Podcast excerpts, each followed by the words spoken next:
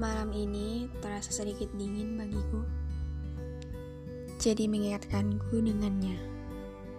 Malam itu, saat aku bersama dirinya melewati sudut kota, dibalut dengan canda dan tawa kita berdua. Mungkin kita menjadi orang yang paling bahagia malam itu. Kurasa malam itu jadi malam paling bersejarah bagiku.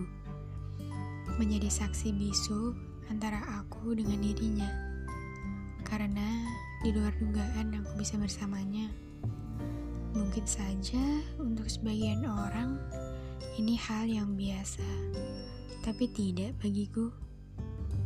Hari ini kita bercerita dengan versi kita masing-masing, tertawa bersama sampai semua masalah hilang sejenak rasanya. Namun, suasana berubah saat ia raih tanganku dalam genggamannya. Aku pun merasakan hal yang tak pernah aku rasa. Sikapnya yang manis berbeda dari hari-hari sebelumnya. Ia juga mengatakan hal yang tak pernah aku dengar sebelumnya.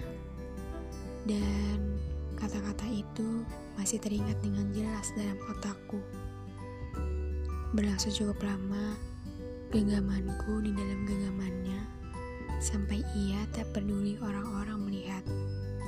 Padahal, aku sudah bilang padanya, kita sampai liatin orang-orang. Dan dia pun menjawab, dan jawaban itu membuatku hampir beku pada saat itu. Dia bilang, tak apa, biarkan saja.